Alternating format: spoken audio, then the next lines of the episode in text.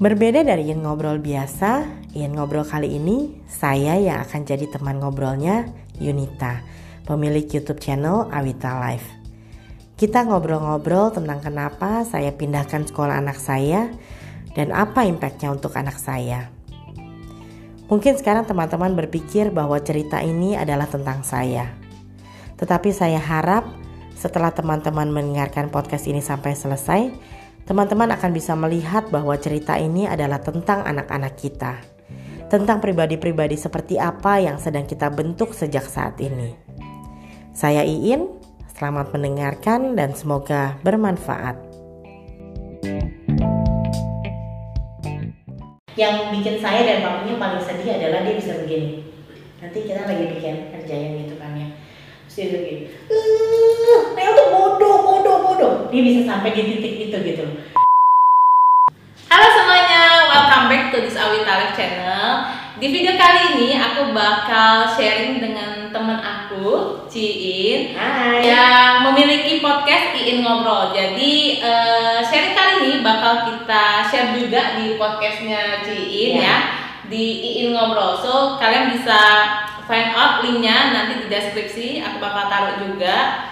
Eh, dan di video kali ini kita mau bahas mengenai cara eh, memilih sekolah untuk eh, anaknya Ciin yang I find it very interesting karena aku tahu banget bagaimana Ciin ini mencari berbagai macam sekolah yang sangat tepat untuk anaknya dan sekarang eh, udah dapetin yang sangat cocok ya Ci ya. Yes. Eh, anaknya Ciin namanya Nail ya. Ya. Dan Nail ini udah pindah beberapa sekolah ya kan. Kalau dari TK ya dari beberapa sekolah. Uh, dan yang terakhir ini eh, sangat-sangat Buat aku sangat pas. sangat Ya, pas menurut gitu kan. aku lah. Uh, uh, setelah setelah yang sebelumnya di sekolah yang sebelumnya melihat kayak kurang perkembangan gitu ya secara Sebenarnya bukan kurang perkembangan ya, Yun. Eh, lebih tepatnya nggak cocok buat Nail. Oh, cocok. Lebih ya lebih nggak cocok buat Nail karena eh, nggak sesuai dengan dengan karakternya dia lah. Oke, kira-kira menurut Cici apa yang Cici rasa itu kurang pas? Apa yang membuat kayaknya aku harus ganti sekolahnya Nael nih gitu? Kenapa gitu? Kayaknya karena aku tahu banget Cici itu lumayan stres waktu itu nyari dari satu sekolah ke sekolah lain di review gitu sampai oke aku masukin ke sekolah ini tuh kenapa sih harus sampai pindah banget gitu? Jadi ceritanya gini, em, awalnya Nail itu kan eh, waktu TK dia TK itu di eh, satu sekolah yang basicnya tuh bahasa Inggris. Basicnya bahasa Inggris, lalu dia mulai dari playgroup di situ sampai dia mulai masuk TK besar lah ya kita bilangnya K2 itu. Nah di situ anak-anak mulai dipersiapkan untuk eh, belajar berbahasa Indonesia. Karena mereka di sekolah itu cuman paling paling tinggi cuman sampai di K2 habis itu semua anak harus keluar mencari sekolah lainnya lah gitu nggak bisa lanjut di situ lagi. Nah jadi guru-guru memang sudah mempersiapkan mereka untuk eh, oke yang mau ke sekolah SD-nya berbahasa Inggris memang kan dari basicnya mereka bahasa Inggris. Yang mau ke bahasa Indonesia mereka udah persiapkan dari dari awal gitu loh bahasa Indonesia terus membaca menulis berhitung gitu kan ya standar. Nah di situlah disasternya mulai ya gini aku juga sadarnya baru sekarang gitu loh. Maksudnya kalau di review di flashback lagi gitu ya baru lihat gitu loh. Ternyata itu tuh titik mulainya gitu loh. Anak-anak maksudnya kita tahu anak kita tuh anak yang aktif. Benar dia anak yang aktif. Tapi eh, ya bukan berarti terus nggak nggak nggak berharga gitu kan ya. Maksudnya gini it- sa- setiap orang tua tuh harus punya punya satu keyakinan bahwa anak mereka itu berharga. No matter what orang lain mau lihat apa nggak peduli. Tapi kita harus punya keyakinan bahwa dia itu berharga. Dan kita harus bisa meyakinkan dia bahwa dia itu berharga. Gitu karena setiap anak itu pasti ingin merasa dirinya berharga. Kalau nggak dapat itu mereka punya banyak cara dan tiap anak beda-beda. Mereka punya banyak cara untuk kayak merilis apa yang mereka rasakan gitu kan. Ada yang mungkin dipendam doang ada yang mungkin jadi kelihatannya dia jadi bandel. Sebenarnya dia cuma cari perhatian kita doang gitu kan. Itu macam-macam gitu. A- aku nggak ngomong sebagai apa ya maksudnya uh, pe apa apa namanya pe penelaah itu anak atau psikolog enggak cuman ini ini sebagai maksudnya apa yang aku rasakan dan apa yang aku jalanin selama ini gitu kan jadi dimulai di K2 itu dia mulai harus belajar bahasa Indonesia belajar membaca. Nah karena di situ dia memang punya kesulitan. Dia memang punya kesulitan untuk uh, bahasa. Jadi untuk membaca menulis dan lain-lain itu dia memang punya kesulitan gitu. Nah ditambah dia belajar bahasa Inggris belum mantep Mm -hmm. dan dia mesti belajar bahasa Indonesia. Oke. gitu. Nah itu jadi mungkin struggling juga buat dia gitu dan gurunya juga bilang sama saya bu Nail tuh nggak ada masalah semuanya aman kecuali satu bahasa Indonesia dia bilang pokoknya kalau sudah masuk bahasa Indonesia tidur dia bu gitu. istilah gurunya gitu lah ya tapi maksudnya ya dia sudah terbosan-bosan gitu loh nah ya karena dia masih TK dan waktu itu eh, kan program pemerintah nggak perlu belajar maksudnya hanya pengenalan huruf dan lain-lain Hmm. So ya buat saya ya udahlah nggak apa-apa lah nggak perlu dipaksain gitu. Lalu akhirnya setelah TK lewat kita mesti masuk ke SD. Jadi kita berpikir ya sudah kita masukin dia di sekolah yang kita yakin itu adalah gambaran Indonesia secara utuh gitu kan. Gambaran Indonesia secara utuh tuh diversity dari berbagai kalangan, baik ekonomi, budaya, sosial segala macem lah gitu kan ya semuanya ada gitu lalu kita masukinlah ke salah satu sekolah uh, nasional di sini gitu Oke. kan. Nah saya pilih nasional. Kenapa? Karena saya nggak suka nasional plus uh, pelajarannya terlalu banyak. Kalau nasional plus kan kita mesti belajar nasional terus kita mesti belajar yang uh, kurikulumnya bawaan sekolahan gitu kan yang internasionalnya. Jadi aduh kayaknya saya nggak sanggup deh untuk untuk ngajarin dia sampai sebanyak itu gitu kan ya. Dan saya juga nggak mau nyiksa anaknya sampai segitunya. Karena saya tahu anak saya bukan anak yang uh, suka belajar. Dan saya juga bukan anak yang suka belajar dulu gitu kan. So ya udah. Kita uh, putuskan kita ke nasional aja gitu.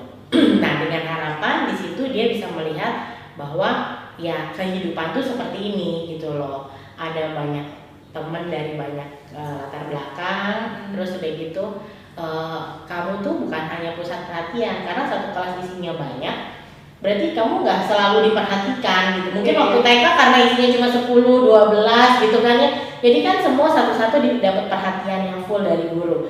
Tapi karena ini kamu udah besar berarti kamu sudah harus saatnya sudah bisa menjaga diri sendiri gitu-gitu kan.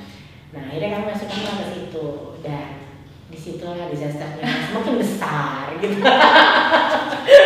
Oke. Kenapa? Jadi jadi eh, Nael waktu dari playgroup sampai K2 berarti dari apa kelompok bermain sampai TK. TK Oh. besar itu berarti pengantarnya bahasa Inggris ya pengantarnya bahasa, bahasa Inggris. Nah, Nah kemudian waktu SD dimasukin ke sekolah nasional yang mana pengantarnya pasti bahasa Indonesia. ya betul Nah jadi ini ini yang menjadi titik masalahnya gitu. Iya, ini yang jadi eh, buat dia mungkin secara bahasa, mungkin karena gini, eh, prinsipnya setiap anak itu punya kelebihan dan kelemahan.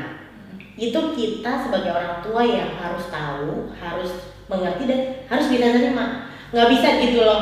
Itu udah kelemahannya dia terus dipaksain gitu nggak bisa gitu loh. Maksudnya ya, ya mungkin ada lah ya orang-orang yang bisa sampai situ, tapi kita nggak bisa. Kita kan harus bisa mengukur kemampuan si anak juga gitu kan ya. Dan aku tahu anakku setelah dijalani ternyata dia nggak bisa gitu. Nah, ke kendalanya dia di situ plus eh, apa namanya di sekolah ternyata dia harus catch up dengan bahasa Indonesianya yang udah makin lama makin makin oh, menulisnya makin banyak dan lain-lain itu dia keteteran di situ. Terus kalau eh, kalau keteteran maksudnya dari sekolahnya ngebantuin supaya anaknya bisa achieve eh, ibaratnya teman-temannya udah sampai segini nih dia misalnya agak keteteran gimana maksudnya cara sebenarnya gini, waktu kita masukin ke sekolah itu kita cukup beruntung dia dapat wali kelas yang eh, menurut aku sih cukup kooperatif ya. Jadi eh, kita sebagai orang tua saya lah ya saya dan suami saya sebagai orang tua itu uh, cukup mengerti bahwa oh ya kita nggak expect anak kita dapat perhatian lebih ya. karena kita tahu konsekuensi kita masukin ke sekolah dengan satu kelas 30-40 anak itu ya udah pasti anak kita nggak akan diperhatikan lebih gitu. Karena gurunya kan harus memperhatikan keseluruhan gitu kan. Nah waktu kita memilih pun kita udah tahu konsekuensinya gitu kan. Tapi memang uh, gurunya pun cukup wali kelasnya cukup kooperatif cukup uh, maksudnya kita sering ketemu dan sering tiktok bareng gitu. Coba gini coba cara gini coba cara gini coba cara gini gitu. Dan berbagai cara kita sudah jalanin gitu kan ya. Ya memang harus uh, apa namanya harus harus terus konsisten untuk untuk uh, nyobain. Kalau yang ini nggak berhasil ya kita coba. Kadang-kadang kayak ini berhasil tapi tidak dalam jangka waktu yang lama. Hmm. gitu mungkin ini berhasil tapi uh, karena Nail anaknya pembosan nanti sebentar aja itu udah it doesn't work with him gitu kan. So akhirnya uh, di pertengahan sebenarnya di pertengahan tahun ajaran itu kita sudah putuskan udahlah kayaknya pindah sekolah aja. Karena dengan uh, kemampuan berbahasanya dia yang kurang itu kayaknya dia butuh perhatian lebih dari guru. Dan saya tahu gurunya uh, bukan tidak bukan berarti guru yang sekarang tidak memperhatikan dia lebih tapi ya gurunya kan juga punya banyak anak lain yang harus diperhatikan gitu kan berarti kan saya harus cari kelas yang lebih kecil skupnya dibandingkan yang sekarang gitu jadi waktu itu kita udah mulai cari-cari sih dari pertengahan tahun ajaran itu kita udah mulai cari-cari. Padahal itu sebenarnya sekolahnya dia pun di kelasnya dia lah ya waktu itu ya di kelasnya yang waktu itu tuh itu bisa dibilang nggak ada PR, hampir lah, mm-hmm. hampir nggak ada PR. Tapi setiap hari saya harus struggling pulang sekolah itu uh, membantu dia untuk nyari catatan. Karena dia nggak pernah selesai kan di sekolah kan. Uh-uh. catatannya tuh nggak hampir lah hampir nggak pernah selesai di sekolah. Jadi PR-nya dia tuh sebenarnya bukan PR tapi nyalin catatan gitu loh. Tapi karena itu kelemahannya dia jadi itu kayaknya neraka banget deh buat kita deh. Buat dia juga neraka buat saya maminya juga neraka gitu loh karena akhirnya hubungan kita ibu dan anak tuh jadi rusak. Gitu oh, ya pokoknya teriak-teriakan dengan penuh dengan teriakan penuh dengan air mata dan oh. saya juga kesian. Maksudnya papinya juga ada di posisi yang serba susah gitu kan ya. E, di, di satu sisi dia ngelihat kondisi yang seperti itu kan juga nggak baik. Tapi ya di sisi lain ya memang kayaknya udah dengan dengan apa kondisi yang ada waktu itu nggak ada pilihan lain ya memang cuma begitu? Caranya udah kalau nggak gitu nggak jalan gitu kan ya. Jadi akhirnya ya itulah sebabnya kenapa kita akhirnya memutuskan udahlah kayaknya uh, memang harus pindah deh gitu loh di pertengahan semester.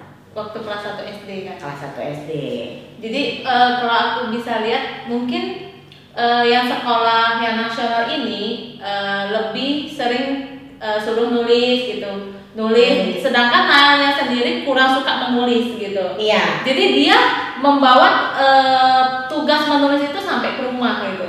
Pas di rumah ketemu maminya ayo nulis nulis nulis. Tapi dia sendiri juga males gitu mau nulisnya gitu. Loh jadi sama-sama stres gitu. Iya. Jadi pada dasarnya gini dia tuh kalau gurunya juga bilangnya nyebutnya dia males. Saya juga dulu ngelihatnya dia males gitu tapi kalau saya review lagi sebenarnya dia bukannya males gitu. Itu seperti kayak kita nggak ngerti kalkulus terus disuruh ngerjain kalkulus itu kan kayak di otak tuh udah yang kayak ini apa sih apa sih apa sih? gitu ya. Kayak orang marketing itu disuruh ngerjain pembukuan gitu ngeliatin angka gitu kan ya semua nah jadi itu bukan bidangnya dia menulis dan membaca itu tapi dia dipaksa untuk untuk mengerjakan itu gitu loh menulis dan membaca itu. Sehingga kayaknya di dalam otak dia tuh itu udah kayak benang kusut gitu loh. Jadi maksudnya pada saat itu nah sudah belum sangat paham membaca dan menulis tapi yeah. dia dipaksa harus nulis harus yeah. baca. Makin stres dianya gitu. Iya dan itu bukan sesuatu yang dia sukai. Ya karena dia mungkin karena dia merasa dia tidak punya kemampuan di situ jadi dia nggak nggak nggak suka dan dia juga nggak apa ya nggak kalau kita suka mungkin kita ada sedikit usaha untuk hmm. lebih bisa. Nah tapi di, di dianya juga tidak ada ketertarikan di situ juga tidak ada kemampuan lebih di situ. Jadi akhirnya ya memang buat dia itu itu uh, hell banget dah ya kalau disuruh baca dan nulis kayak gitu gitu. Tapi kalau guru menurut gurunya kalau ditanya jawab 100 nggak ada masalah. Jadi secara pengetahuan dia tuh nggak ada masalah hmm. selama gurunya menjelaskan dia mendengarkan lalu uh, ditanya. gurunya ditanya lagi dia bisa jawab apa semuanya nggak ada masalah masalahnya cuma satu dia membaca dan menulis nggak mau baca dan nulis iya, nggak suka gitu, gitu lah jadi memang saya, saya juga sampai itu saya bawa ke psikolog okay. saya bawa psikotes sampai saya bawa ke terapi hmm. gitu kan ya memang kalau menurut orang terapinya dia memang ada terbat oh, maksudnya agak terlambat perkembangan uh, untuk membaca dan menulisnya gitu loh. Tapi yang lainnya nggak ada masalah gitu. Nah sementara dipaksakan terus kan jadinya akhirnya dianya jadi super stres hmm. yang bikin uh, dia ngerilis stresnya dengan cara yang kita lihat sebagai nakal. Oh gitu. Jadi kayak berperilakunya kayak agak apa bandel gitu cuy iya jadi dia jadi lebih agresif oh. dia lebih pemarah. Oh terus oke okay, oke. okay. dia dari perilakunya uh, jadi kelihatan oh iya jauh. Karena dari uh, dia memang aktif. Dari kecil tuh dia aktif gitu kan. Tapi begitu dia mulai SD itu perubahannya sih cukup jauh gitu loh. Buat okay. kita ngeliatnya perubahannya cukup jauh. Dia cukup stres minus gitu ya kan. oh iya nah, minus, minus ya. ya karena uh, kita bicara kelakuan uh -huh. uh, behaviornya dia tuh se jadi mudah sekali marah gitu kan ya. Okay. over small stuff aja dia gampang marah. Terus udah gitu uh, apa namanya uh, secara emosi tuh nggak stabil lah gitu. Terus nanti dia kadang-kadang yang bikin saya dan papinya paling sedih adalah dia bisa begini. Nanti kita lagi bikin kerjaan gitu kan ya terus dia begini Nel tuh bodoh bodoh bodoh. Dia bisa sampai di titik itu gitu itu yang kita orang tua ngeliatnya ya kayaknya aduh gimana banget ya gitu kok. Gue jadi orang tua kok sampai ngepres anak sampai begitu hmm. banget gitu kan ya. Ada yang salah gitu. iya pasti ini ada yang nggak benar gitu. Nggak karena gue tahu lu tuh nggak nggak bodoh gitu loh. Maksudnya kita tahu iya. kemampuan dia tuh sampai sejauh mana. Dia untuk pengetahuan umumnya itu dari kecil dia memang udah bagus gitu. Sampai gurunya juga bilang bu dia kalau pengetahuan umum itu di atas anak rata-rata dia bilang gitu kan. Tapi ya memang kalau misalnya membaca dan menulis dia nah menurut saya kemampuan seseorang itu kan tidak melulu di harus dinilai dari situ gitu iya. kan ya. Itulah akhirnya kenapa kita mencoba untuk mencari sekolah lain yang kita lihat uh, mungkin lebih sesuai dengan karakternya dia gitu. Jadi mami papinya pun harus berbesar hati menerima bahwa apa yang kita pikir baik awalnya menyiapkan dia untuk masa depannya dia ternyata pola pikir kita tuh kita harus rubah lagi gitu. Harus cukup humble untuk menerima bahwa ternyata yang kita pikir baik itu belum tentu baik gitu loh. Dan ya kita harus balik lagi ke lagi bahwa oke okay, sekarang anaknya seperti ini hmm. and then kita mau gimana jangan sampai kita sudah pindahkan anak sekolah dan ternyata nggak cocok kita yang paling tahu kalau sekolah tuh selalu promosi sekolah mereka hmm. pasti paling bagus hmm. pasti begini metodenya begini ntar begini begini tapi kita yang paling tahu anak kita seperti apa. Jadi sebenarnya juga uh, kenapa aku tuh sampai di video ini juga gitu karena uh, kebetulan anak aku yang pertama kan ada ada tuh ada TKA. Jadi ada satu mami yang share di grup dia agak stres gitu. Kayaknya anak dia kayak kurang diperhatikan di sekolah gitu kan kayak dicap kayak anak yang bandel gitu loh. Di sekolah kayak dicap bandel sering dihukum jadi dia perilaku di rumah tuh sering marah agak suka berulah gitu jadi aku tuh ngelihatnya mungkin banyak orang tua di luar sana yang mengalami kesulitan stres. Kenapa ya anak aku kayak gini? Apa yang harus aku lakukan lagi gitu kan Ci? Iya. sebenarnya kita juga sempat hampir salah bikin keputusan. Jadi kalau waktu itu kalau waktu uh, pertengahan semester itu kita pindahin itu kita juga udah bikin keputusan yang agak-agak fatal juga sih lebih parah lagi gitu kan. Jadi kita mau pindahin waktu itu ke satu sekolah yang kita lihat oh gini mindsetnya masih sama mindset saya dan suami itu masih sama seperti mindset waktu awal kita masukin. Mami lihat ini bagus buat kamu. Gitu. Jadi apa yang kita lihat itu itu saya mau rubah kamu jadi kamu yang seperti ini. Oke. gitu kan. Nah di sekolah kedua ini yang yang saya mau itu saya suka banget karena dia mereka mengajarkan anak-anak untuk set target. Mereka mengajarkan anak-anak how to responsible to uh, finish target. Jadi dari kecil mereka dilatih untuk uh, bikin target lalu gimana cara menyelesaikannya gitu. Itu menurut saya sama suami juga itu sesuatu yang bagus banget gitu kan ya. Nah tapi balik lagi kami tuh ter ter apa namanya terkotak terutama saya ya terkotak sama yang ini bagus loh. Menurut mami ini bagus mami mau menyiapkan kamu mami mau merubah kamu menjadi orang yang seperti ini bertanggung jawab. Ini for your future itu oke gitu kan ya tapi ternyata itu salah gitu loh. Pemikiran yang mami mau menyiapkan kamu seperti apa itu salah gitu loh. Ya menurut pengalaman kita lah ya. Iya. itu itu salah gitu loh. Harusnya memang kita mulainya dari kamu tuh seperti apa sih nah gitu. Kelebihannya tuh apa sih? Kekurangannya tuh apa sih? Terus how kita bisa uh, minimize kekurangan kamu tuh kita nggak nggak perlu nggak perlu paksain. Ya bukan bukan berarti terus dia nggak bisa baca nggak bisa nulis kita biarin lah ya gitu. Tetap nggak mungkin nggak mungkin nggak bisa baca nggak bisa nulis terus kita biarin gitu kan ya. Tapi gimana orang-orang maksudnya sekolah bisa melihat kamu tuh lebih dari apa yang kamu baca dan yang kamu tulis gitu kan. Jadi akhirnya kita mencari lah sampai papinya bilang sama saya. Papinya pesan sama saya gini kamu pergi dari satu sekolah ke sekolah lain yang kamu lihat cukup baik kamu tanya kamu boleh nggak duduk di situ sehari dua hari? Kamu lihat cara mereka mengajarkan. Jangan sampai kita sudah pindahkan anak sekolah dan ternyata nggak cocok. Kita yang paling tahu. Kalau sekolah tuh selalu promosi sekolah mereka pasti paling bagus pasti begini metodenya begini ntar begini begini.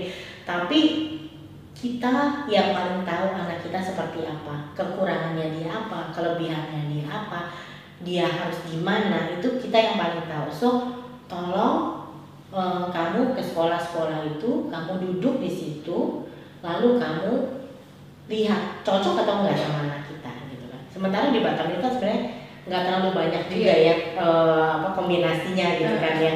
Eh, Bisa lah gue jalanin Iya, semua sekolah gitu gitu. kan ya. Gue liatin Jadi- ini yang terbaik ya. akhirnya ya memang dari situ buat saya juga jadi eh, lebih aware gitu kan ya untuk nyarinya lebih cari tahunya lebih detail lagi gitu nggak sekedar oh datang udah nanya oh ya gue suka nih yang ini soalnya yang gini gini gini gini gini. Tapi lebih ke oh ya apa sih kenapa sih terus gimana sih nanti ini gimana kalau anaknya ini gimana kalau anaknya ini gimana gitu. Nah terus saya juga selain dari situ saya juga browsing sendiri oh kamu sistem pendidikannya seperti ini oke sistem pendidikan seperti ini tuh kayak gimana gimana gimana belajarnya? Kalau yang kayak gini tuh kayak gimana gimana? Jadi saya cari tahu juga gitu kan saya nanya-nanya teman-teman nggak sekadar jadi nggak sekadar dari sekolah aja tapi saya sudah mulai lebih mengenal apa sih eh, metode-metode oh Cambridge tuh kayak gimana oh IB tuh kayak gimana oh ACE tuh kayak gimana gitu kan ya. Saya udah lebih maksudnya lebih banyak nyari tahu lagi lah. Saya bilang anak saya kinestetik gitu kan ya, karena dia anak kinestetik itu anak bergerak, dia suka bergerak, dia bisa mengingat dengan cara bergerak. Jadi Oke. eh, kalau dibilang suruh duduk diam apa gitu ya, dia agak kesulitan. Karena bergerak itu adalah bagaimana dia bisa me- me- apa, mem- membayangkan, memasukkan semuanya ke dalam memorinya cuman kalau kalau di sekolah yang lama kan nggak bisa. Kalau dia bergerak nanti satu kelas bergerak heboh lah ya 40 orang itu gitu kan ya. Nah jadi saya tanya apakah bisa, maksudnya apakah saya harus perlu pindahin sekolah? Jadi gurunya bilang nggak perlu sih bu, kenapa harus dipindahin sayang loh dia bilang gitu kan. Karena secara kemampuan dia tuh ada, dia tuh bisa gitu loh. Hanya malas gitu. Jadi di mata kita dulu dia hanya malas, bukan dia nggak bisa gitu loh. Dia cuma dia nggak mau nulis aja. Coba kalau dia mau nulis dia bisa. Semua guru di sekolah guru bahasa Inggrisnya di tempat les juga merasa begitu gitu kan ya tapi kita sebagai orang tua kita tahu gitu loh maksudnya walaupun kita ya ya males nih anak nih gitu kan ya Hmm. tapi kita tuh pasti ada feeling gitu kan ya dia sebenarnya bukan nggak males dia tuh cuman nggak malu tapi dia terlalu gengsi untuk untuk meng- mengakui bahwa gue tuh nggak bisa loh gitu loh ada anak ada sebagian anak yang gengsi kan dan Iya. termasuk anak aku tuh super duper gengsinya tuh super duper tinggi banget gitu kan so dia tuh nggak mau mengakui bahwa dia tuh nggak bisa gitu loh jadi orang melihat dia sebagai eh, oh lu nggak mau karena lu malas aja gitu loh padahal sebenarnya lebih ke kalau aku lihat tuh lebih ke mungkin kita ngerjain kalau kita nulis tuh itu piece of cake ya karena kita udah Hmm. lancar udah biasa gitu Iya. Tapi buat dia tuh mungkin seperti ya itu ya kalau yang di ibarat di kita sering dapat tuh kalau ikan disuruh terbang gitu ya iya nggak bisa bukan dia nggak mau dia nggak bisa gitu. Sama seperti burung disuruh berenang bukan nggak mau nggak bisa nggak bisa ya nggak bisa gitu kan ya. Ya belajar bisa belajar bisa belajar bisa. Cuman ya memang dia nggak akan performnya nggak akan maksimal gitu. Setiap kali ada pelajaran tambahan di sekolah kelakuannya tuh luar biasa Oh. pokoknya dia bikin Langsung masalah tingkah dia.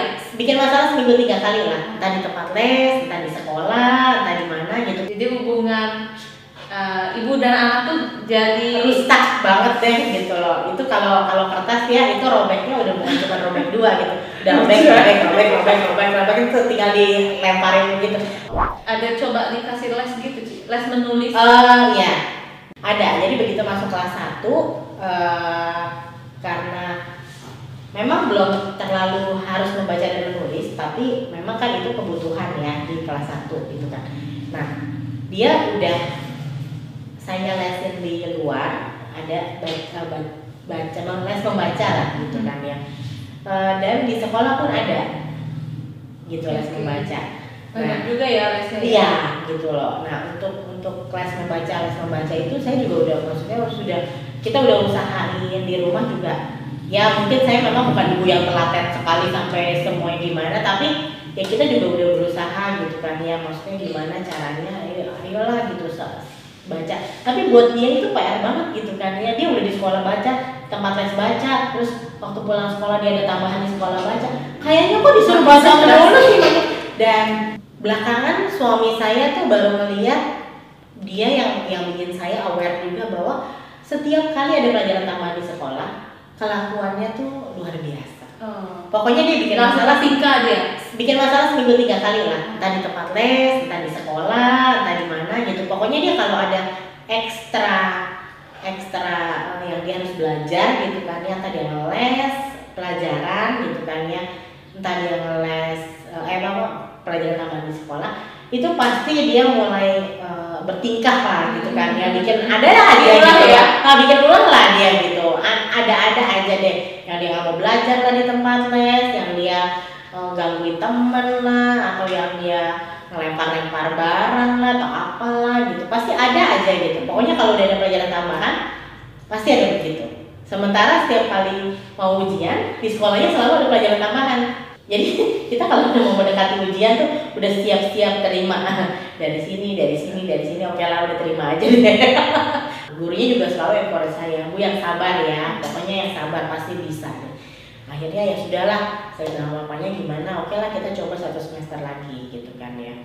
Jadi kita cobalah satu semester lagi eh, dengan harapan bahwa satu semester lagi tuh dia sudah lebih baik gitu kan ya.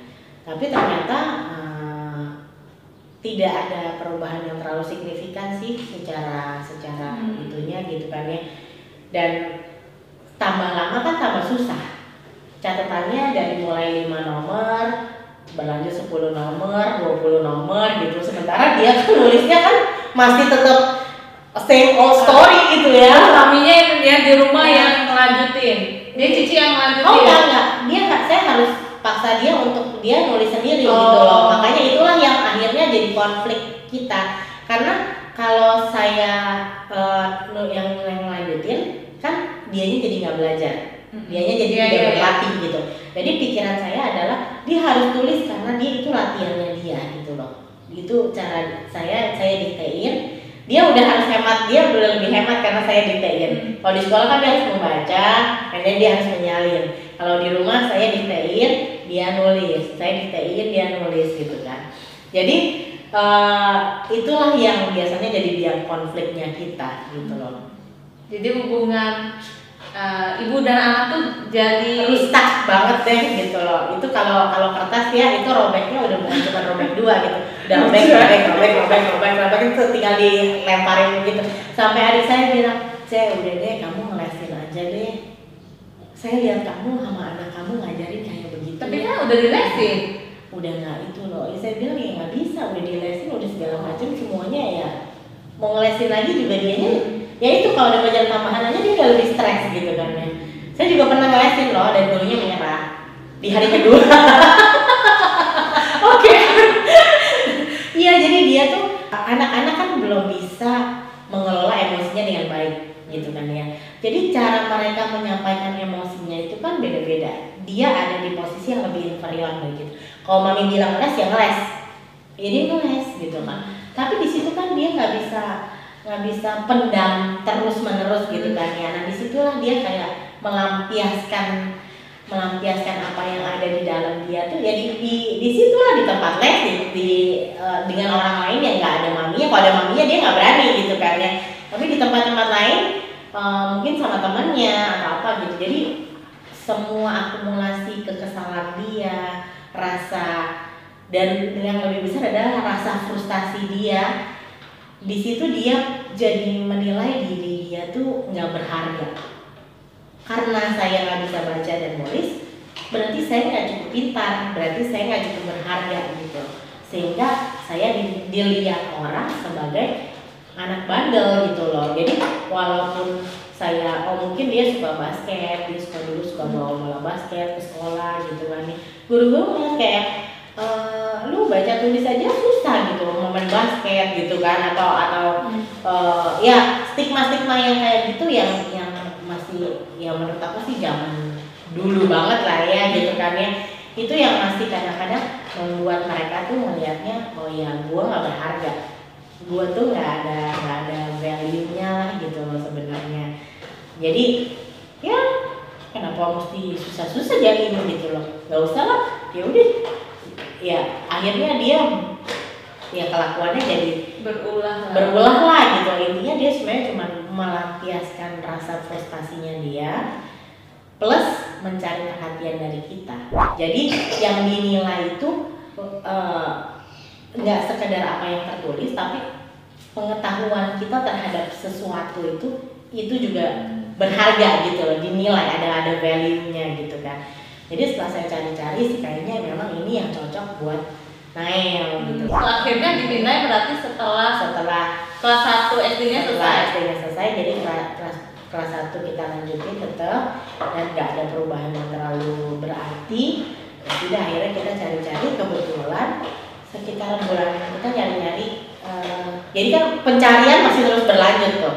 Kita, kita lihat oke okay, kayaknya sih tetap nggak bisa nih gitu. Jadi Desember kita pindah sekolah uh, Februari Maret itu saya udah mulai nyari-nyari saya udah mulai nyari-nyari lalu uh, sekitar bulan April saya ketemu satu sekolah satu jadi di Batam ini cuma ada dua sekolah dengan sistem itu IB. Mm-hmm. Sistem IB itu sistemnya kayak gimana? IB itu International Baccalaureate. Jadi dia itu sistemnya kalau ini pandangan saya ya. Bagaimana saya menjelaskan sistem IB? Sistem ID itu seperti uh, mereka me merealisasikan apa yang mereka pelajari. Selama ini kita kalau belajar kan teori. Mm-hmm. Oke, okay, bola itu bulat gitu kan ya. Oh ini tuh kotak gitu. Tapi kalau di ID itu kamu dikasih lihat dengan real. Oh yang namanya bola tuh kayak gini. You can feel gimana gitu kan ya. Terus udah gitu oke, okay, misalnya uh, belajar tentang um, gimana impact kita buang sampah sembarangan sih gitu kan ya.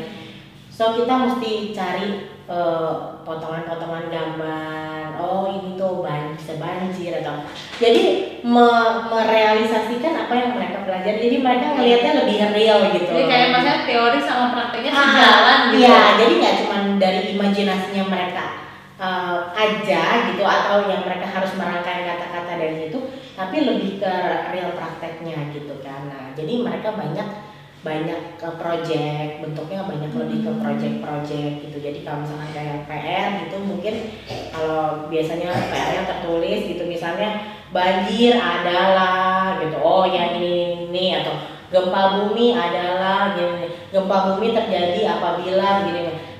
Kalau di IB itu mereka sistemnya project. Oke okay, hari ini kamu eh, besok kamu mesti bawa ini ini ini ini itemnya.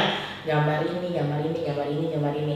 Nah besok di sekolah mereka uh, bikinlah project. Oke okay, kalau misalnya uh, gempa bumi itu kayak gimana gitu. Oke okay. misalkan gunung meletus lah. Let's say gunung meletus. Mereka bikinlah gunungnya.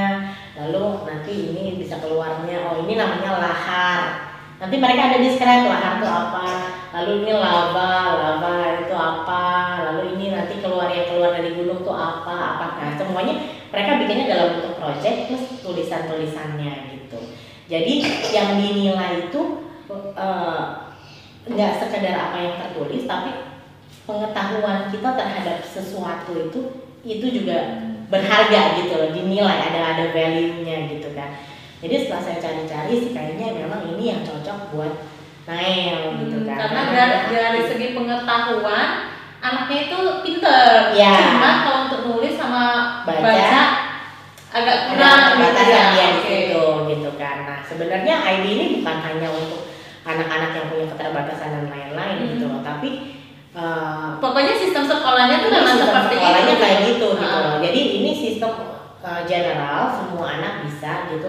Dan menurut saya ini adalah satu sistem sekolah yang buat saya saya, rekomendasikan untuk semua apa namanya ya semua uh, anak lah ya. Tapi ya semua balik lagi lah. Semua balik lagi. Balik bukan kita orang tua yang merasa baik untuk kamu tapi kita harus bisa cukup humble untuk melihat anak kita seperti apa and then carilah yang cocok seperti apa gitu nah, tapi ID ini cukup untuk mengakomodir anak-anak zaman sekarang yang kepintarannya luar biasa yeah. dan macam-macam gitu loh jadi, jadi maksudnya poinnya sebenarnya kita tuh harus melihat karakter anak kita tuh seperti apa sih gitu kan. Iya. Dia punya kelebihannya apa, Betul. kekurangannya apa, baru kita carilah sekolah yang sangat tepat untuk dia. Iya. Gitu. Karena mungkin dengan satu sekolah yang mungkin favorit di kota itu, tapi dia punya sistem sebenarnya kurang cocok dengan anak kita itu. Karena setiap anak itu karakternya berbeda. Gitu. Betul. Beda, Jadi kita harus cari tahu anak aku tuh karakternya kayak gimana sih jadi sekolah yang seperti apa yang cocok untuk dia gitu kan yeah. karena kalau aku pribadi aku nggak percaya ada anak yang bodoh sih aku sangat tidak percaya karena menurut aku kita sebagai orang tua tugasnya find out anak ini kelebihannya apa dan di sana kita harus gali iya Iya kan, betul. Kita itu bisa berharga kalau ada di tempat yang tepat. Ada satu cerita, kamu pernah dengar nggak? belakangan ini agak-agak seliwaran di Facebook. Hmm. Jadi ada ada ada seorang ayah yang sudah mau meninggal, lalu dia ngeluarin sebuah arloji, arloji tua. Hmm. Nah, lalu dia kasih arloji itu ke anaknya, dia bilang saya mau warisin arloji ini ke kamu. Ini dari kakek buyut saya. Oke, okay. tapi sebelum saya kasih kamu, kamu coba bawa ini ke toko jam yang di depan. Tanya dia harganya berapa, gitu kan ya pulang lah tanya harganya ya let's say lah 5 dolar gitu kan ya oke sekarang kamu coba tanya ke toko antik yang di ujung jalan ini berapa ini pulang-pulang oh ini 5000 dolar oh iya di situ dihargainya 5000 dolar. Oke sekarang kamu bawa ke museum yang di depan sana. Kamu tanya dia saya mau jual ini harganya berapa? Setelah dia pergi dan dia balik lagi ternyata harga jam itu dinilai satu juta dolar. Gitu Nah, di situ pesan moral dari ceritanya adalah kita itu bisa berharga kalau ada di tempat yang tepat. Yes. Kalau kita nggak seberapa hebatnya kita, seberapa capable-nya kita, kalau kita nggak ada di tempat yang tepat itu, itu value-nya kita tuh jadi ya less lah, ya. Mungkin nggak nating tapi less lah, mm-hmm. jadi sedikit. Nah itu juga yang saya begitu dengan cerita itu, itu saya ngerasa ini juga yang anak-anak uh, rasakan. Gimana rasa value-nya mereka di di sekolah itu itu sama kayak gitu loh. Kalau dia ada di sekolah yang tepat value-nya dia tuh akan meningkat. Besar sekali.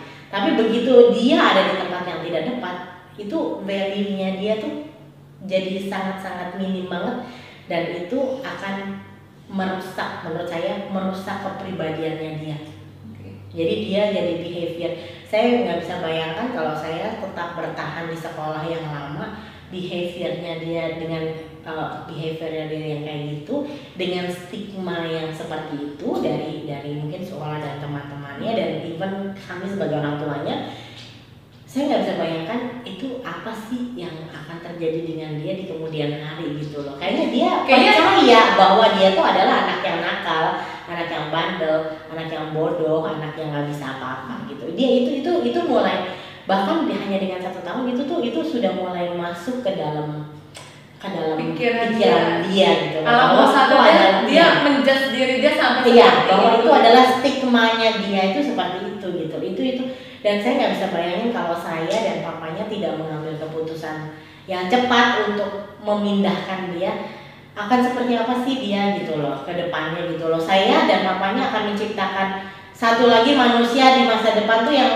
yang merusak kah? Merusak maksudnya merusak sekelilingnya atau justru membangun dan membentuk sekelilingnya gitu. Kita ekspektasi semua orang tua adalah anak kita jadi anak yang berguna, Iya. anak yang baik, yang membangun, yang Hmm. itu. Tapi kadang-kadang kita nggak sadar bahwa ya kita sedang apa sih yang sedang kita lakukan terhadap anak kita dan masa depannya dia gitu loh. Dan menurut aku pindah sekolah itu itu the best decision ya yang kita pernah pernah ambil lah terhadap dia gitu loh. Ya bukan berarti yang lainnya jelek, bukan berarti sekolah yang sebelumnya jelek, no gitu. Hmm. ada juga sekolah maksudnya sekolah yang sebelumnya ada juga anak-anak yang butuh challenge. Ada Hmm. juga anak-anak yang memang pintar secara akademis secara memori kuat. Dia butuh challenge yang lebih. Ya itu di situ tepatnya ada juga loh anak-anak yang stres dengan sistem IB saya bilang. Maksudnya kenapa stres dengan sistem IB karena dia terbiasa menghafal. Oke. jadi kalau di sini dia di challenge untuk kamu harus cari tahu sendiri, kamu harus cari cari uh, explore sendiri gitu kan ya. Sementara dia terbiasa untuk dapat dan dia cukup ngafalin dan selesai. Gitu. Makanya cocok banget buat Nah. Nael ya. Nah itulah sebabnya kalau karena anak saya suka explore anaknya, suka dia suka cari tahu, dia suka tanya-tanya, dia suka lihat ini, suka ke taman ya kita berpetualang segala macam. Ya metode ini cocok banget buat dia. Dan sekarang dia udah bukan lagi jadi anak yang bandel gitu. Oke. Maksudnya Setelah dia dengan sekolah yang baru ini, Iya. terus dia kayaknya cocok dengan kurikulumnya, cara belajarnya. Iya. gitu. Secara perilakunya jadi berubah gitu. banget banget banget banget bahkan hanya dalam waktu setengah tahun ini kita setengah tahun doang kan baru nilainya satu semester ya itu perubahan perilakunya itu kita udah bisa rasain tuh kalau temen aku bilang ya hampir 180 derajat lagi nih Aku juga tahu banget sih ya. Dari dia sekolah dia yang sebelumnya sama yang sekarang tuh memang beda banget sih ya. Iya, jadi dia- segi, uh, apa perilaku dia gitu. iya dan dia Lebih mau dengerin juga ya, dia lebih gini dia lebih bisa berkomunikasi dengan kita dia lebih bisa paham jadi dia lebih bisa terima gitu lebih kayak kalau dulu mungkin dia menutup diri ya karena dia udah ngerasa ah paling diomelin lagi apa Oh, ini gitu kan ya Nah, udah- dia menutup diri ah jadi sudah ada dindingnya Iya, yang dia iya. bangun sendiri tapi kalau sekarang waktu kita ngomongin oh iya mami sorry ya Iya Nela yang kali nggak gitu lagi. Dia sudah bisa jadi dia sudah bisa mencerna apa sih yang kita mau sampaikan gitu loh. Dia nggak against dulu tapi dia dengerin dulu. Dia udah bisa cerna dulu gitu loh. Karena mungkin stresnya agak berkurang. Stresnya stresnya buat dia jauh berkurang. Dia pertama kali dia masuk sekolah itu ada perubahan jam sekolah yang luar biasa dari jam eh, 7 sampai jam 11 doang sampai sekarang dari jam 8 sampai jam 3 sore. Hmm. Itu pertama dia komplain. Dia bilang, "Ini sekolah lama banget ya." dia nggak mau sekolah di sini tapi karena sekolahnya nggak nggak feels like sekolah buat dia gitu loh jadi sekolahnya lebih banyak eh, cari tahu lebih banyak tanya jawab lebih banyak eh, apa namanya ya project-project gitu kan ya aktivitas-aktivitas yang buat dia menyenangkan lewat dari seminggu dia udah nggak komplain lagi saya Malah sama dia, enjoy. Iya, mau pindah nggak sekolah lama? Enggak, enggak, enggak usah di sini aja udah cukup dia bilang. udah di sini aja dia udah nggak mau. Untung. Kalau pindah Iya, gitu ya.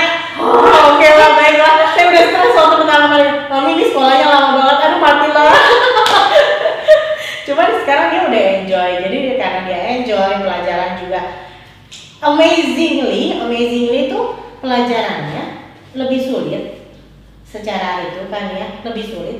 Tapi dia pulang dengan pengertian yang uh, lebih. Jadi dia sudah mengerti apa yang diajarin di sekolah. Saya nggak perlu ngajarin terlalu berdarah-darah lagi di rumah gitu loh. Jadi di rumah misalnya ada PR pun saya cuma yang kayak yang ini gimana ya? Kadang-kadang kita udah lupa ya itu kan zaman SD gitu. Ini gimana ya oh ini gini mami ini kali ini ini kali ini nanti tinggal oh oh iya ya oke oke oke oke. Mami udah ingat lagi gitu kan ya. Udah kita cuma tinggal liatin dia. Terus kadang-kadang dia ke distract kita membalikin eh, eh, eh cepetan ngerjain ngerjain. Dan dia pun ngerjain PR nggak yang kayak aduh mami mesti ngerjain PR Nggak kayak dulu ya? ya itu berubahnya jauh banget lah gitu loh ngerjain PR-nya juga. Dan yang saya amazed adalah dia ngerti dia ngerti dia dia paham di sekolah diajarin dia sudah paham. Jadi kita di rumah udah nggak perlu ngajarin lagi nggak perlu waste, wasting energi lagi buat ngajarin dia gitu. Dan dia secara kelakuannya juga udah lebih baik secara emosinya jauh lebih stabil dan ya dia udah back on track ya jadi my sweet boy aja. Sesuai harapan lagi ya. jadi yang yang aku simpulin dari sini juga Ci bahwa kita kadang orang tua merasa ini loh nak bagus buat kamu. Tapi sebenarnya belum tentu itu bagus buat anaknya gitu. Iya. karena yang paling benar adalah kita melihat karakter anaknya dulu baru kita cari sekolah yang tepat untuk dia. Bukan kita cari sekolah yang the best dulu baru masuk sana ikutin adaptasi. Kayaknya udah nggak zaman kayak gitu Iya. ya karena karakter anak sekarang tuh bukan kayak kita dulu menurut aku nge iya mah Iya. kan anak sekarang lebih bisa speak Mereka up. dia iya. dia enggak enggak enggak enggak dan kayak gitu. sangat pintar gitu jadi, jadi walaupun mereka Hmm. mungkin nggak ngomong tapi di dalam pikiran mereka tuh mereka punya pemikiran sendiri yang yang eh, sebenarnya kita harus cari kita cari tahu kita tanya sama mereka. Dan kita bantu mereka untuk ngeluarin. Kadang-kadang mereka punya pikiran tapi mereka nggak tahu gimana cara menyampaikannya ke kita sebagai orang tua. Itu yang kita mesti support terus gitu loh untuk bantu gimana kamu maunya apa kamu gimana gimana rasanya gimana gitu kan. Itu sih jadi udah memang kita sudah harus merubah Pola pikir ya? pesan saya kalau mau pindah sekolah tuh bukan cuma kita lihat sekolah sekolah sekolah atas nama sekolah misalnya sekolah A atau sekolah B gitu. Tapi apa sih eh, kurikulum apa sih yang mereka bawa? Itu yang kita harus pahami juga gitu loh. Kadang-kadang kan orang tua masukin sekolah dia nggak paham gitu loh. Sebenarnya itu kurikulumnya apa sih? Oh pokoknya ya udah masuk aja. Mungkin karena temennya di situ atau karena apa gitu kan. karena kata orang bagus di Oh, sana karena ya udah masuk itu aja. masuk aja gitu kan ya. Atau mungkin karena oh mahal jadi gengsi Oh. gitu kan ya. Bisa juga gitu. Tapi maksudnya kita untuk in, in order ya in order to uh, membuat anak kita bisa benar-benar pas di satu sekolah kita harus tahu sekolah itu dia kurikulumnya seperti apa cara dia mengajar seperti apa metodenya gimana guru-gurunya gimana gitu loh itu itu yang justru itu yang paling penting bukan sebagus apa sih sekolah itu Hmm. tapi ya sekolah apa yang sesuai dengan anak kita kita mesti tahu dari kurikulumnya dulu itu balik lagi ke situ dan kita kita harus cari tahu gitu loh karena nggak akan ada yang ngasih tahu kita kalau kita dari maksudnya orang ngasih tahu kita juga kalau kita nanya kalau kita nggak nanya ya nggak ada yang kasih tahu kita kan gitu jadi ya memang harus mulainya dari kita dulu semuanya ya effort ibunya ini harus ekstra lah gitu loh untuk ya balik lagi belajar lagi Iya. gitu Yes betul. Tapi aku yakin setiap ibu mau yang terbaik sih Yes, buat pasti. anaknya. Jadi eh, kalau memang itu dirasa perlu pasti dicari tahu deh. Maksudnya, jadi maksudnya pesan Ciin jangan hanya dengar sekolah ini bagus, sekolah itu bagus, tapi benar-benar pelajari apa yang ditawarkan oleh sekolah itu, kurikulumnya seperti apa, Ya, apakah cocok dengan anak kita gitu. Hmm. Jadi ya eh, buat orang tua yang eh, mungkin masih bingung mau sekolahin anaknya di mana ya jangan juga ikut-ikutan orang tua yang lain mungkin saudaranya oh sepupumu sekolah di sini semua ya udah kamu sekolah di sana Ya, gitu. Jadi mami gampang antar jemputnya Iya, bisa iya. lain.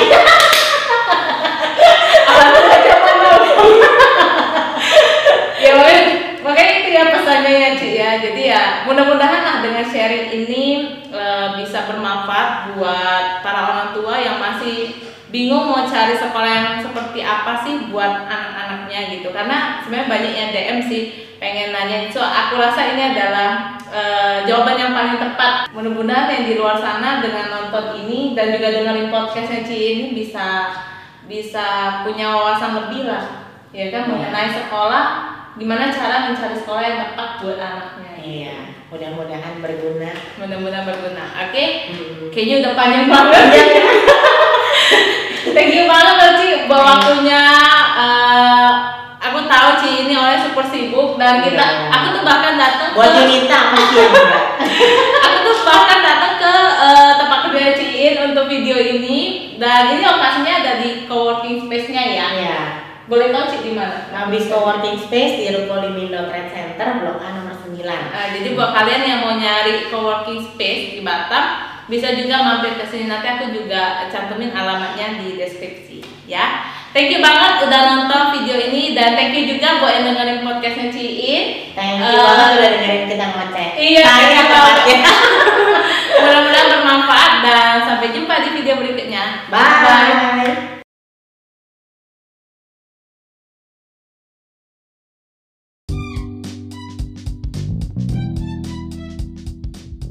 Seringkali kita mempersiapkan masa depan dengan ukuran masa sekarang.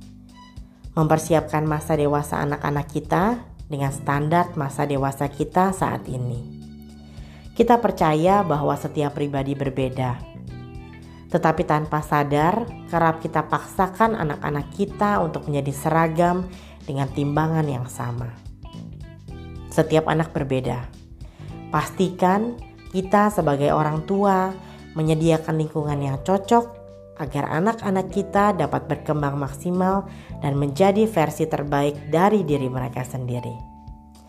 Saya Iin, terima kasih sudah mendengarkan Iin ngobrol. Semoga bermanfaat dan sampai jumpa minggu depan.